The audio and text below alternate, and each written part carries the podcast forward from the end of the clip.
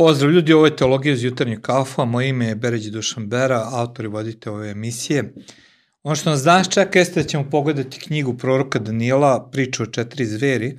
i nastaviti dalje da razmišljamo u ovom božićnom periodu koji je pred nama o Bogu kao tvorcu istorije i onome koji vode istoriju. Pa skujete kafu, čaj, vodu, šta već pijete jer krećemo.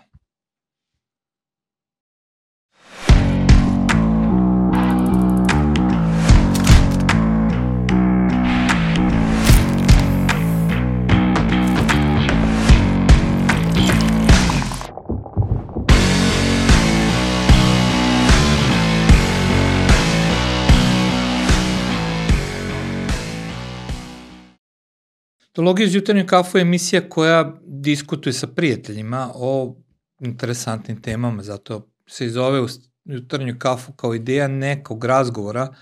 a, sa ljudima koji su ti bliski, koji ti koje poznaješ, sa kojima želiš da provedeš vreme, a sa njima razgovaraš o interesantnim temama. Ja smatram da je teologija, Biblija, vera interesantna tema, vredna razgovor i tako pokušavam i da vodimo. Emisija nam se da se vi slažete, ako slažete prosto mi pokažite to nekim komentarom, nekim lajkom, nešto, već dajte signal. Na, ja sam naučio da radim neke stvari po onako, zato što znam da su ispravne, a neka mi trebaju ohrabrenje, pa eto, ohrabrite me dok se ovo radim i možda i dajte neki vaš predlog šta dalje da se radi. Kao što sam rekao u uvodu, danas razmišljamo o istoriji sveta. Prošle nedelje sam počeo tu seriju, malo smo već tada zagrebali od Danila, videli smo tu sliku koju Danilo objašnjava kralju na Vuhodonosoru o velikom kipu i videli smo da je Bog od početka do kraja tvorec istorije i da vodi istoriju ka nekom cilju. Znači, u ovoj seriji mi to prosto razmišljamo, dok razmišljamo o rođenju Sina Božijeg, Neko sam vam stio želju i potrebu da malo dotaknemo se celokupnog Božijeg uticaja u istoriju. I danas još uvek nećemo ići u budućnost, nećemo se dotaći vremena koje tek treba da dođu, nego ćemo se dotaći proročanstva koje se tiču prošlosti i koje su velikim delom ispunjene. A tekst koji nas danas interesuje jeste sedmo poglavlje knjige proroka Danila, knjige koja je jedna od poslednjih knjiga Starog Zaveta, a, koji opisuje život jednog značajnog čoveka koji se zvao Danilo, koji je bio odveden u Vavilovsko ropstvo, kada su i drugi jevreji iz Jerusalima odvedeni tamo, međutim, zbog njegovog a, nasledđa, zbog toga što je bio plemićke porodice, a, njegov život se odvija na dvoru dva velika kralja i prvi kralj jeste kralj Navuhodonosor, veliki kralj a, Vavilona, a drugi kralj jeste Kir Persijski, kralj Persijsko-mitskog carstva, koga ću isto spomenuti. Znači, čovek koji je živao u samom centru moći i bio čovek velikog uticaja u tim vremenima, sveto pismo ga jako hvali, na nekim mestima se navodi kao poseban primer vere, kao redko ko na koga se može ugledati, a takva je njegova knjiga, ja vam preporučujem, pročitajte, stvarno interesantno čitati, i, ali ja se neću di, di, doticati toliko tumačenja te knjige koliko nekim stvarima koje se tu spominju. I u prvom stihu sedmog poglada kaže ovake prve godine Valtasara, knjara kralja Vavilonsko usni Danilo san i ugleda viđenje duha svog da dogležaše na postelji svojoj, zatim on napis san i pripovedi glavne stvari. Znači ovo je prva godina Valtasara, Valtasar nije uh, bio kralj u pravom smislu reči, bio namesnik, njegov otac Navuhodonosor sin, a mislim da na Boponid ili nešto tako, i sad proverio tačno ime, je bio kralj koji je otišao da ratuje, a Valtasar je preuzeo stolovanje predstavnicom i odbranu predstavnice od napada Vavilon, ovoga Mido-Persijskog carstva. Danilo ima viđenje i u tom viđenju on sanje sledeće stvari koje govore o istoriji koje tek treba da dođe. I ovako piše u drugu stiha, pročitat ću nam to zato što nam je bitno da bismo razumeli šta to sveto pismo govori. I Danilo poče reče, ja pogledah u viđenju u svom noćnom i gle četiri vetra nebeska udariše na veliko more. Odmah da bude jasno, veliko more je sredozemno more, tako su ga nazivali u, u uh, na, na Bliskom istoku, znači Veliko more, Sredozemno more i znači svi ovi događaji se tiču događaja vezanih okolo Sredozemnog mora, a četiri vetra nebeska su nešto što često spominju sveto pismo kao duhovni uticali pokretači stvari koje tek treba da se desi ili su se desile. I kaže ovako, i četiri velike zveri izađuše iz mora svaka drugačija. Kad kaže četiri velike zveri, a očigledno je da se radi o carstvima koje treba da dođu. Kaže, prva beše kao lav i imaše krila orlovska. Ja gledaju dok joj se krilo ne iščupaše, ona se podiže sa zemlje i stade na noge i dado joj se srce ljudsko. I gled druga zver, kao medved stade s jedne strane, ona imaše tri rebra u ustima među zubima i govore, govorili su joj, ustani jedi mnogo mesa. Zatim pogleda i gleda opet druga beše kao leopard, imaše na leđima četiri krila kao ptica. Ta zver imaše četiri glave i njoj se odade vlast. Zatim pogleda svojim noćnim viđenjima i gled tu beše i četvrta zver strašna i užasna i neobično jaka. Ona imaše velike zube gvozdeno najedješe, lomljaše i gaziše nogama ono što ostaješ, ona beše drugačija, od svih pređašnjih zveri imaše devet rog, deset rogova. Ja posmatrah rogove i gled drugi mali rog izraste među njima i tri prva roga iščupaša se pred njim i gle, on imaše oči kao oči čovečije i usta koje drsko govorahu. I da ne, da, ne dužim dalje priču, priča ide dalje, ali nije toliko značajna za ovo moje izlaganje. Ono što mi vidimo, znači iz oblasti Sredozemnog mora, iz krajeva oko Sredozemnog mora, kaže Danilo, pojavit će se četiri zveri ili četiri carstva koje će jedna ići za drugim, s tim što je prva zver već uveliko dolazila ka svom kraju i neko od tih događaja Danilo je već a, svedočio o tome. Prva zver, kaže, imala je izgleda kao lav, imaše krila orlovska i već ta slika jasno govori o kom kraljevstvu se radi, u carstvu radi, jer ovo je simbol novo-vavilonskog ili haldejskog carstva, I kada gledamo slike starog Vavilona, mi ćemo često videti taj prizor lava sa krilima. I kaže ovaka, kaže ovako, ja gledaju dok joj se krivo ne iščupaše, ono se podiže sa zemlje i stade na noge čoveči i dade joj se srce ljudsko ovo carstvo je trajalo od 626. godine pre nove ere do 539. godine, neke stotinje godina i a, centar njihovog utice je bilo u, u Mesopotamiji, a, na rekama Eufrat i Tigrisu, a, zove se u istoriji Novo-Vavilonsko ili Haldejsko carstvo i a, ono što je značajno u celoj toj priči da je vladar je ovaj najbitniji od svih kraljeva je bio već taj spomenuti Navuhodonosor. Navuhodonosor osvaja Jerusalim, prodire do Egipta, širi svoje carstvo i on je jedan od najznačajnijih kraljeva u tom periodu, on je zapravo Vavilon doveo do vrhunca moći, ali kako piše u ovom proročanstvu, njemu se iščupaše krila i stade na noge kao čovek, kao posle toga je dobije srce ljudsko. Čovek koji je bio izuzetno moćan i zbog toga se uzoholio, a pismo nam govori u knjizi proroka Danilo o momentu njegove ludosti, da je bukvalno počeo da se ponaša kao životinja, da li ima neki psihički slom ili ne, nije jasno sačuvan u analima, ali opisuje sveto pismo da je bukvalno živo kao životinja, van ljudi, da se ponašao jako čudno, da bi u jednom momentu shvatio svoje grehe, kako on to opisuje u knjizi proroka Danila i priznao da je Jahve jedini bog i došao do pokajanja. Znači, prvo carstvo koje vidi Danilo u ovoj celoj priči jeste Novo Vavilonsko carstvo, ali to Novo Vavilonsko carstvo traje svega stotinja godina, jer sledeća zver izlazi ili sledeće carstvo i to je druga zver kao medved, stade sa jedne strane,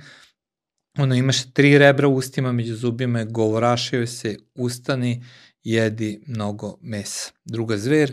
je drugo carstvo, ono što je opisano da je kao medved, silna i snažna, ali jedna strana je mnogo jača, kako ovde kaže, a, sa jedne strane je a, mnogo, mnogo jači i radi se o sledećem carstvu, a to je takozvano Ahimenitsko carstvo ili prvo persijsko carstvo, staro persijsko carstvo ili kako ga Biblija često naziva Mido persijsko carstvo, jer ovim carstvom vladaju dva naroda, Midijanci, koji su u početku bile mnogo moćniji, a, i to je zapravo bio Midijsko carstvo i Persijanci koji su bili manje pleme, ali kroz careve koji su tada vladali, a naročito samo da ne pogrešim, pošto se stalno menjaju imena Kiri, Dari i ostalo, u vremena Kira Velikog dolazi da, da do šije, to je nadmoći Persijskog carstva koje preuzima ulogu, koje preuzima moć i a, i nadvladava tu Midiju i u buduće carevi Persije su oni koji vladaju. Tri a, kosti u zubima nije jasno, moguće da se radi o tri velike države koje će pokoriti, znači jedna od tih država jeste Egipat, a, oni su oni koji prodiru u Grčku, osvajaju Grčku, a, znači moguće da se radi o tih velikim carstvima, moguće da se radi o velikim carevima koji su vladali, a to je Kir, Darije, Aha, i sad koji je ono treći kir koji se pojavljuje, koji vodi rat protiv, protiv Grčke. U svakom slučaju ovde govorimo o staropersijskom carstvu koje je trajalo 520. godine do 330. godine nove vere, opet 100 godina, da bi se onda pojavilo sledeće carstvo, a to je opisano u šestom stihu, a, kaže, zatim pogleda i gleda opet druga beše kao leopard, imaše čet, na leđima četiri krilo kao ptica, Ta zver imaše četiri glave i njoj se dade vlast i ovde se govori o sledećem carstvu, a to je Aleksandar III. Makedonski, njegovo osvajanje koje gaze Persiju, osvajaju celu Persiju, osvajaju ceo ondašnji svet, kao nikada pre od 356. godine, pre nove ere do 323. godine, pre nove za 30. godina, Aleksandar Makedonski osvaja ceo ondašnji svet, i Egipat, i Persiju, i sve oko sredozemlja, znači jedan ogroman ogromna brzina, a četiri glave su zato što po njegove smrti a, njegovo carstvo se deli na četiri a, dela, znači četiri generala preuzimaju vlast, Kasandar preuzima Makedoniju, Lisimah malu Aziju, Seleukije Siriju, Ptolome Egipat i to je ono kako se završava i onda dolazimo do četvrte zveri koje je misterija, koja nije baš potpuno jasno, ali po svemu sudeći a radi se o Rimu koji je nastao na deset bregova, a ovde kaže da kaže zatim pogleda u svojim noćnim vidjenjima i gleda tu beš četvrta zver, strašna, užasna, neobično jako, ona imaše velike zube gvozdene, ona jeđeše, lomljaše i gaziše nogama ono što ostaješte, ono što su radili Rimljani, bio je drugačiji od pređašnjih zveri, imao je deset rogova, znači nije opis neke zemaljske životinje, nego nešto čudesno, a ja posmatrah rogove i gleda jedan mali rog izraste među njima i tri prva roga iščupaše se. I sada, među tumačima Biblije postoje puno teorija. Znači, šta to se odnosi tih deset a, rogova, mali rog i tako dalje. Mali rog je očigledno slika Antihrista o kome ću govoriti, pošto se Antihrist, kada se govori o njemu, uvek govori kao malom rogu, ali šta su deset rogova? Da li se to govori o deset carstava koje će nići posle iz uh, rimskog carstva koje traju dan danas, da li se odnosi na deset uh, ovih uh, bregova na kojima se nalazio Rim, to nije jasno, ali očigledno na temeljima tog rimskog carstva, onoga što je nasledđe rimskog carstva, uh, će se desiti pobuna protiv svevišnjeg. I kaže ovako, uh, 23. stih uh, sedmu poglavu, on mi reče ovako, četvrta zver biće četvrto kraljstvo na zemlji, različito iz svih kraljestava, koje će proždrati svu zemlju i pogazeće i satreće. Deset rogova jesu devet kraljevstva, deset kraljevstva koje će nastati iz tog kraljevstva, a posle njih nastaće drugi i on će biti drugačiji od pređašnjih i poriće tri kralja. Ne znamo o čemu se to radi, možemo nalaziti razne paralele, ali ovaj, mi u načelu ne znamo o čemu se radi, verovatno se radi o budućnosti. Kaže, on će izgovoriti reče protiv svevišnjega, On će sklašiti svece, tlačiti svece svevišnjega i pomišljati da promeni vremena i zakone. Znači, da li se odnosi na Nerona, da li se odnosi na nekog od rimskih careva, nama to nije jasno, ili se odnosi na neku budućnost koja tek treba da dođe, u svakom slučaju taj mali rok koji niče iz ovoga carstva je nešto drugo i posebno i tek dolazi u budućnosti. Zašto se bavimo ovim pitanjima? Znači, ako ste pratili teologiju iz jutarnju kafu, u načelu ja izbegavam da govorim kontraverzne teme, uh, zato što prosto nekako želim da ove emisije budu za sve. A, želim da svako od nas može da pogleda, da ne bude nešto kontraverzno previše, tako da neko ne može da gleda. Ali ovo je prosto proročanstvo koje toliko u detalje zadire u istoriju sveta, sve skoro do danas, da mi je prosto interesantno da nam to pokažem, da vidimo a, koliko je Bog sve isplanirao i koliko Bog sve ima u rukama. Naš Bog jeste Bog koji je u kontroli na svima. I on je sudija koji će na kraju suditi. Kaže ovako,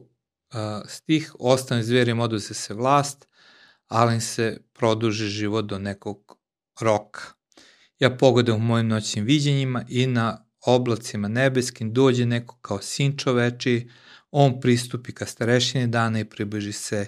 k njima. Njemu je data vlast, slava i kraljestvu i njemu služahu svi narodi, sva plemena i ljudi svih jezika. Njegova je vlast, vlast večna, koja neće proći i njegovom kraljestvu nikad neće prestati. Znači ono što govori da će jednog dana ovim zemaljskim kraljevima i vlastima i uticajima koje postoje dan danas biti oduzeta vlast,